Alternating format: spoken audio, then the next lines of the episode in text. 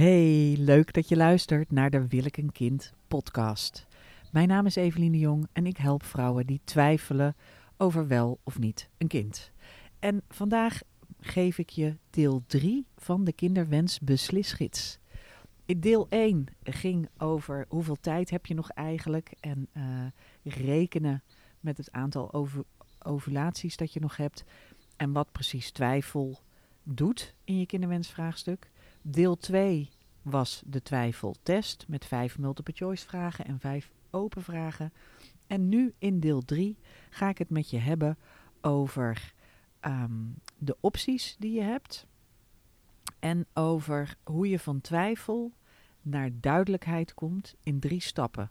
En ik neem je mee uh, naar een instrument dat je helpt om orde aan te brengen in de chaos. Want chaos is een obstakel als je bij je intuïtie wil geraken. Chaos maakt dat je denkt: komt dit nou uit mezelf of komt dit nou van buitenaf? Is dit nou iets dat ik heb, echt heb gezegd of heb gewild? Of heb ik nou dingen gedaan die eigenlijk een andere kant op leiden? Chaos maakt dat je niet verder kunt komen. En Daarom moet je die kluwen van gedachten, gevoelens, adviezen, dromen, gedrag rondom dit hele vraagstuk ontwarren. Ik heb er een heel systeem voor gemaakt dat uh, alles een eigen plek geeft. Maar die complete aanpak die is veel te omvangrijk om hier uit de doeken te doen. Wat ik je wel geef is een handig instrument. Dat heet uh, de empathiekaart. En dat is een instrument van marketeers. Marketeers gebruiken die kaart om in kaart te brengen, gebruiken die map, empathy map, om in kaart te brengen wat hun klanten denken, zeggen, voelen, horen en zien. Volgens mij heb ik nu meteen alle categorieën uh, benoemd. Dus er is iets wat je denkt en er is iets wat je voelt. Dat zit binnenin je. Er zijn dingen die je zegt en dingen die je doet. Dat is hoe jij in verbinding staat met de buitenwereld. Maar je ziet ook dingen om je heen. En je hoort ook dingen om je heen. En dat zijn dan dingen van buitenaf die weer naar binnen komen. Nou is die scheidslijn niet zo heel duidelijk. Maar als je eens een uh, eh, 20 minuten gaat zitten en opschrijft wat er allemaal in je opkomt, dan kun je daarna, als je dat doet op post-its, kun je die post-its in die empathiekaart plakken bij, oh ja, dit is iets wat ik denk of wat ik voel. En dit is iets wat ik wel eens doe of wat ik wel eens zeg. Zeg, niet zegt uh, wat ik wel eens zeg. Daarnaast, nadat je dus je eigen complexe chaos van gevoelens en gedachten en uh, uh, gedrag en dromen, nadat je daar structuur in aanbrengt, zodat het in ieder geval duidelijk is wat waarbij hoort, is het ook handig om een heel simplistisch overzicht van je opties te hebben. En ik zeg expres simplistisch omdat de mogelijkheden zijn schier eindeloos. Het kan zijn dat je ook als je op dit moment geen vaste partner hebt of een partner die niet mee of wil kan, kan doen uh, met wat jij wat jouw verlangen is, dat je dan ook als je dat niet hebt, of je hebt een partner die onwillig is, dat je toch moet beslissen door de tijd, uh, door de tijdsdruk, dat je toch moet beslissen over wel of niet een kind. En die beslissing, die moet je voor jezelf nemen. Wat ik zelf heb geprobeerd, ik weet nog dat mijn psycholoog er niet uitkwam, mij ingebracht had als casus in zijn intervisiegroepje. En vervolgens uh, ik in dat intervisiegroepje door een strenge mevrouw werd gesommeerd om bij haar een sessie te doen, omdat ze zei: Je pakt er niet hard genoeg aan. En toen ik bij die mevrouw, dit was een psycholoog, die zat op de Prinsengracht. Een hele pittige dame, uh, oudere dame. En nou, het was een uh, leuk en interessant gesprek. Ik was ook wel een beetje bang van haar. En aan het eind van, de, van het gesprek zei ze: Er is iets wat me niet bevalt aan wat we besproken hebben en zei: Ik weet wat het is. Jij probeert mij mede verantwoordelijk te maken voor jouw keuze. Maar dat kan niet. en um, uh, dat, ik weet dus dat het een lastige boodschap is. En ik weet ook dat het lastig is om te doen. Ik begeleid mensen erbij, maar je krijgt van mij geen antwoord. Het is niet dat ik je. En het is ook niet dat je een vraag aan mij stelt en dat ik je dan zeg wat het goede antwoord is. En dit is echt vervelend, want het goede antwoord zit alleen maar in jou. Iemand anders kan het niet geven. Ehm, dus ook als de liefde het af laat weten, dan nog moet je dit, deze belangrijke beslissing in je eentje nemen. En je wil dus voor jezelf duidelijk hebben wat de prijs is, die, eh, wat het offer is dat jij moet brengen voor je kinderwens. Je moet zelf weten welke prijs jij bereid bent te betalen. Alleen jij weet wat er bij jou past. En alleen jij leidt je eigen leven. Je maakt je eigen gezinsgeluk. En niet alles is maakbaar. Dus het kan, uh, dat, dat zeg ik niet.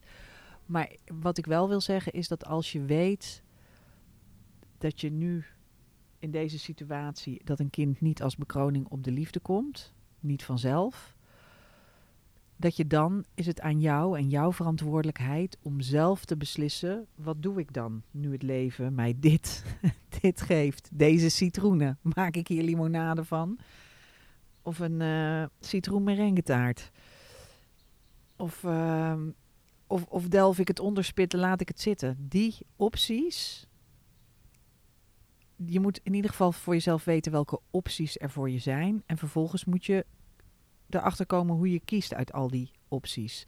En als je te veel keuze hebt, dan werkt dat verlammend. Daar hebben ze heel veel testen over gedaan.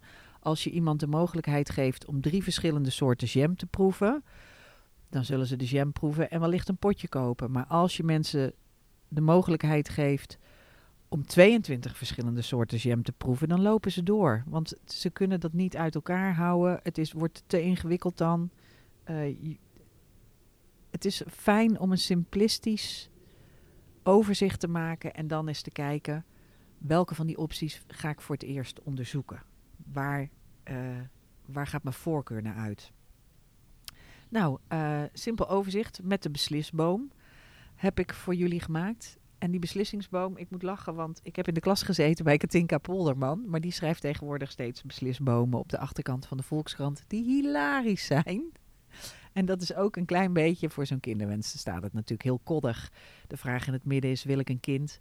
Grote pijl naar beneden, ja. Grote pijl naar beneden, uh, nu. Grote pijl naar opzij. Of adoptie of pleegmoederschap. Of een andere pijl nog ooit. En als je dan naar nu gaat, dan gaat er weer een pijl naar co-ouderschap, singlemoederschap. Of een kroegbaby. Of uh, vriend onder druk zetten. En zo uh, nou, in de in de kinderwensbeslisgids vind je die hele beslissingsboom. Hij is simpel, maar effectief. Want zie je voor je een leven zonder kind, een leven zonder biologisch kind van jezelf, maar wel met een zorgende rol? Zie je voor je dat je het moederschap op een andere manier zou kunnen invullen? Of zie je het bonusmoederschap voor je? Um, zou je dit eventueel kunnen doen met een vriend uit je eigen netwerk? Wie zou je dan kunnen vragen? Of op welke internetsites zou je een oproep kunnen plaatsen?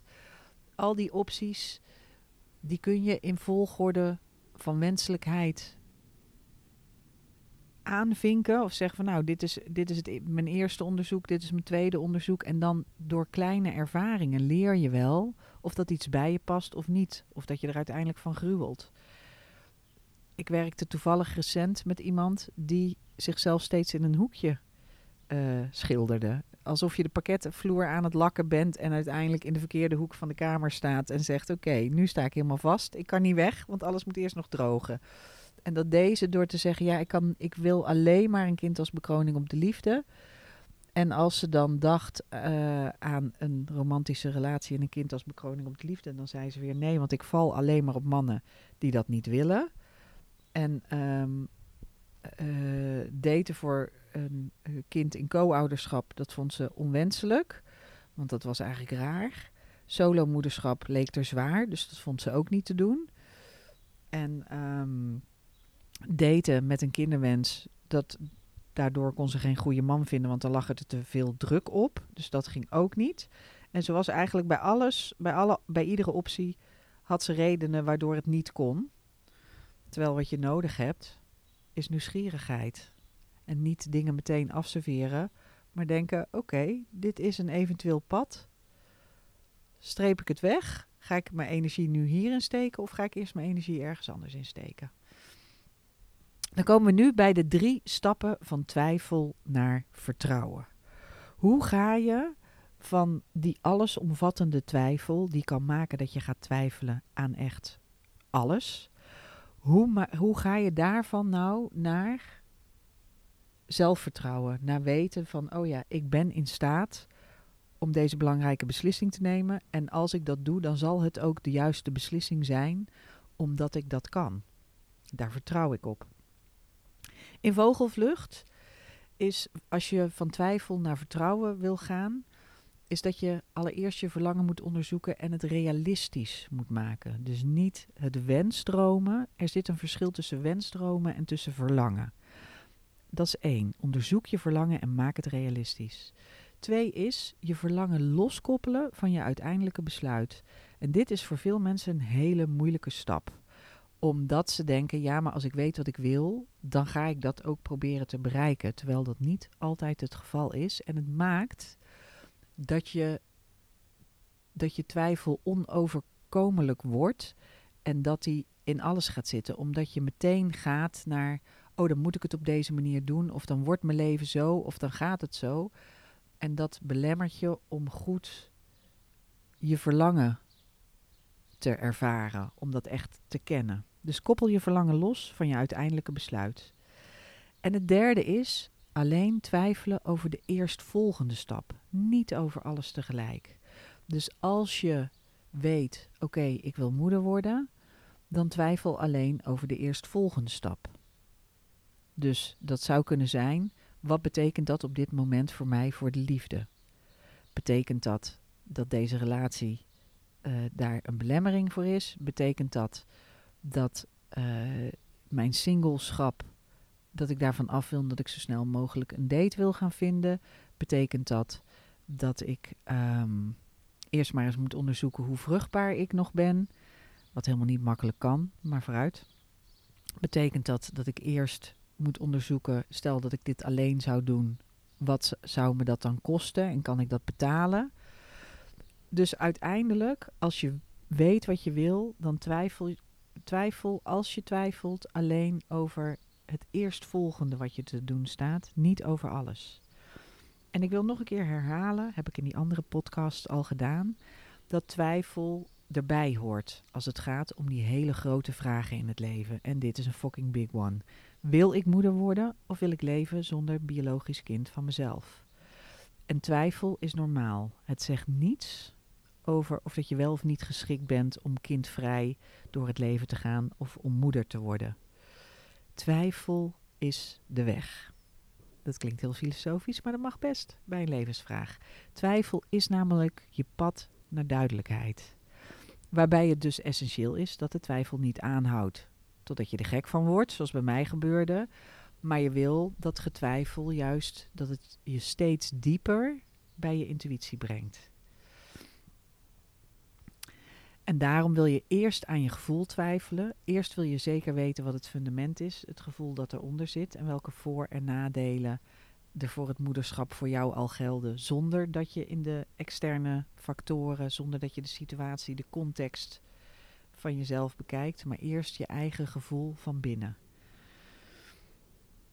En uh, dat betekent uh, dat je die beslissingen, die afspraken met. Een beslissing is een afspraak met jezelf om te handelen. De beslissingen, beslissen is doen. Dat doen moet je echt voor jezelf op een tweede plan stellen. Het eerste wat je moet doen is rustig twijfelen en op zoek gaan naar wat daaronder zit. Welk gevoel daaronder zit. Nou, stap 1. Wees realistisch in je verlangen. Weet jij of dat je echt moeder wil worden? Of weet je dat je alleen het ideaalplaatje wil? Ik wilde alleen het ideaalplaatje. En ik dacht, ik wil moeder worden in caps lock. Ik, ik, er was geen enkele twijfel over, bestond erover. Ik wilde absoluut moeder worden. Maar tegelijkertijd wilde ik niet de nadelen van het moederschap. Want ik ben gewoon niet iemand van nadelen. Ik houd niet van pijn en ongemak en moeilijk en lastig. Um, ik vind meer het verlangen leuk. Maar dat is waar het misging. Dat is waarom ik stil bleef staan. Ik wilde iets wat helemaal niet op de kaart stond. In ieder geval niet op mijn menu. Ik wilde wel de lusten, maar niet de lasten. En als je denkt dat dit bij jou ook het geval is, dan weet dat dat niet werkt bij een levensgroot besluit. Deze beslissing vraagt een offer van je. Altijd. Er hangt altijd een prijskaartje aan. En het is aan jou om te bepalen: wil ik die prijs betalen of niet? Dus wat is je werkelijke verlangen, inclusief de kosten? Maak eens een overzicht van de offers die je zult moeten brengen om je verlangen te vervullen. En dat uh, geldt zowel het verlangen naar het moederschap als het verlangen naar een kindvrij leven. Want een kindvrij leven, een leven zonder biologisch kind van jezelf, zal ook offers van je vragen. En schrijf eens voor jezelf op, inventariseer eens welke offers er van je gevraagd worden. Wat kost deze levensvraag, dit kinderwensvraagstukje, nu, op dit moment, in tijd, in energie, in geld, maar ook in hoe je relaties zijn met familie en vrienden? Misschien kost het jezelf wel professioneel uh, iets, omdat dit ook invloed kan hebben op hoe je werkt. En uh, wat mensen zich ook niet goed genoeg realiseren, is dat zo'n onbeantwoord kinderwensvraagstuk hoge kosten met zich meebrengt qua toekomstperspectief. Dus je leven in de wachtstand omdat je eerst hier een antwoord op moet hebben en je niet bij machten voelt om dat antwoord ook te verkrijgen. Dat is stap 1. Dus een realistisch verlangen maken. Je verlangen onderzoeken en realistisch zijn over de kosten, over de offers die dit verlangen van je vraagt. Stap 2 is het verlangen loskoppelen van je beslissing. En dit is iets wat ik regelmatig opnieuw uitleg. Ook aan mensen die al langer bezig zijn en waar ze dan in, in, in de war van raken, is dat ze op een gegeven moment toch bezig zijn met de beslissing en niet met onderzoeken wat hun verlangen is. Wat wij verwachten, helaas, is dat als je je verlangen duidelijk kent, dat dat hetzelfde betekent als dat je dat verlangen ook wil vervullen. Dus als je weet, dit is mijn verlangen, dan denken wij automatisch, oh, dan wil je ook dat verlangen vervullen. Maar dat zijn twee verschillende dingen. Je verlangen vervullen bestaat uit beslissingen. En je verlangen duidelijk hebben, dat is intuïtief weten. En um, als je weet, ze intuïtief weet wat je wil, als je je innerlijke kompas gekalibreerd hebt, als je weet waar jouw grenzen liggen, als je weet welke offers jij bereid bent te maken, dan pas kun je een integere afweging maken. Daar gaat dit over. Dus je verlangen intuïtief kennen en je verlangen vervullen, dat is beslissingen nemen, dat zijn twee verschillende dingen. En als je je verlangen kent, dan kun je dus zeggen: Oké, ik wil dat moederschap, ook al is mijn situatie penibel. Ik ga doorzetten, want ik ben bereid deze prijs, deze hoge, verdrietige prijs te betalen. Want mijn innerlijke vuur is er groot genoeg voor. Of het kan zijn dat je zegt: Ik wil kindvrij blijven, want het moederschap spreekt me ergens wel aan. Maar het zou me alleen aanspreken als het me schrijverschap onberoerd laat. Dus als ik net zo goed kan schrijven en concentreren en creëren. Dit is wat Haline Rijn ook zei in de podcast die ze maakt met Carice van Houten, waarom ze liever vader zou willen zijn dan moeder. Omdat ze zei, ja, ik ben bang als moeder mijn creativiteit te verliezen. En ik zag bij mijn vader dat hij dat helemaal niet verloor.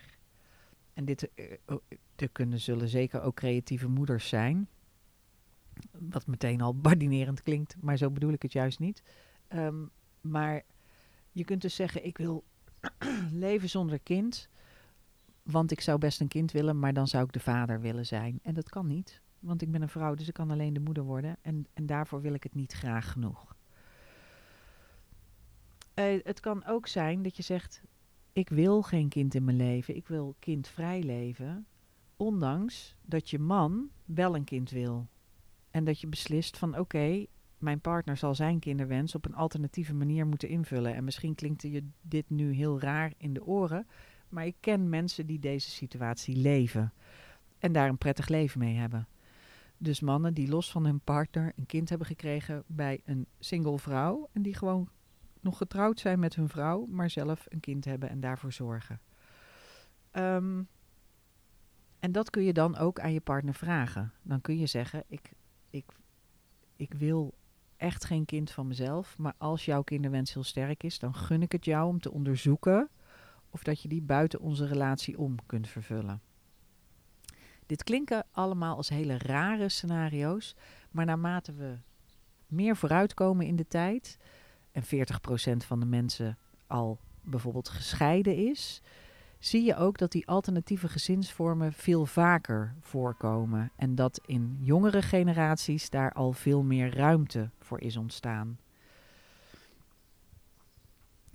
Um, en eigenlijk, nou kan ik hier dan toch een beetje wiskunde van maken, want als je je verlangen helder hebt en je kijkt daarna naar je situatie, dan kom je, dus je hebt je verlangen helder, daarna kijk je feitelijk naar je situatie en je context. En dat tel je bij elkaar op, dat wat jij wenst, dat wat de situatie om je heen is. En daarop volgen je beslissingen. En om dat iets nog ehm, op een abstracter niveau uit te leggen, je verlangen baseer je op intuïtief weten, gebaseerd op gevoel. Dat zit in jou, dat is intern. Je situatie, je omgeving, de dingen en de mensen om je heen, dat is extern. En een beslissing is een afspraak met jezelf om te handelen. Dat is actie ondernemen. En dat doe je pas als je intuïtie duidelijk hebt en als je je situatie in kaart hebt gebracht. En de volgorde is dat. Eerst je intuïtie duidelijk, dan je situatie in kaart brengen. Dat is waarom het zo belangrijk is je verlangen los te koppelen van je beslissing. Dat is stap 2 om te gaan naar duidelijkheid. En stap 3 is om de twijfel letterlijk kleiner te maken door alleen over eerstvolgende stappen te mogen twijfelen en niet over alles. Dus het helpt je al om je verlangen los te koppelen van je beslissing. Door te focussen op je innerlijke kern, krijg je vat op dit vraagstuk, krijg je de regie.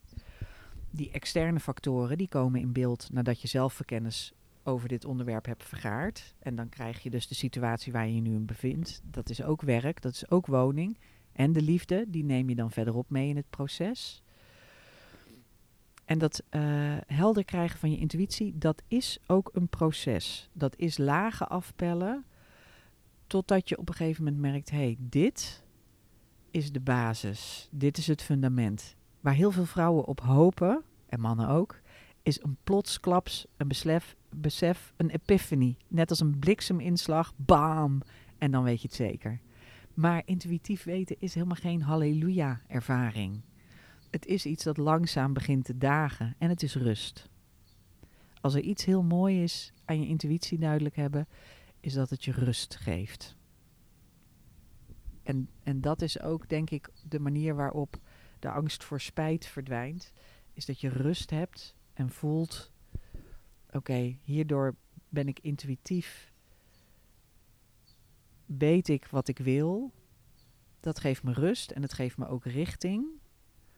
En dan ga ik beslissingen nemen. En intuïtie is echt het fundament onder het huis dat je bouwt door keuzes te maken. Dus je bent zelf de architect van alle keuzes die je maakt. Maar daaronder het fundament waar je opbouwt is je intuïtie. Nou, dit is precies wat ik in het kompas natuurlijk doe. Daar heb ik twaalf stappen uh, die je begeleiden bij weten wat je intuïtief diep van binnen voelt. En, um, en ook uh, uiteindelijk werken aan een toekomstperspectief en kijken naar waar wil ik nu naartoe.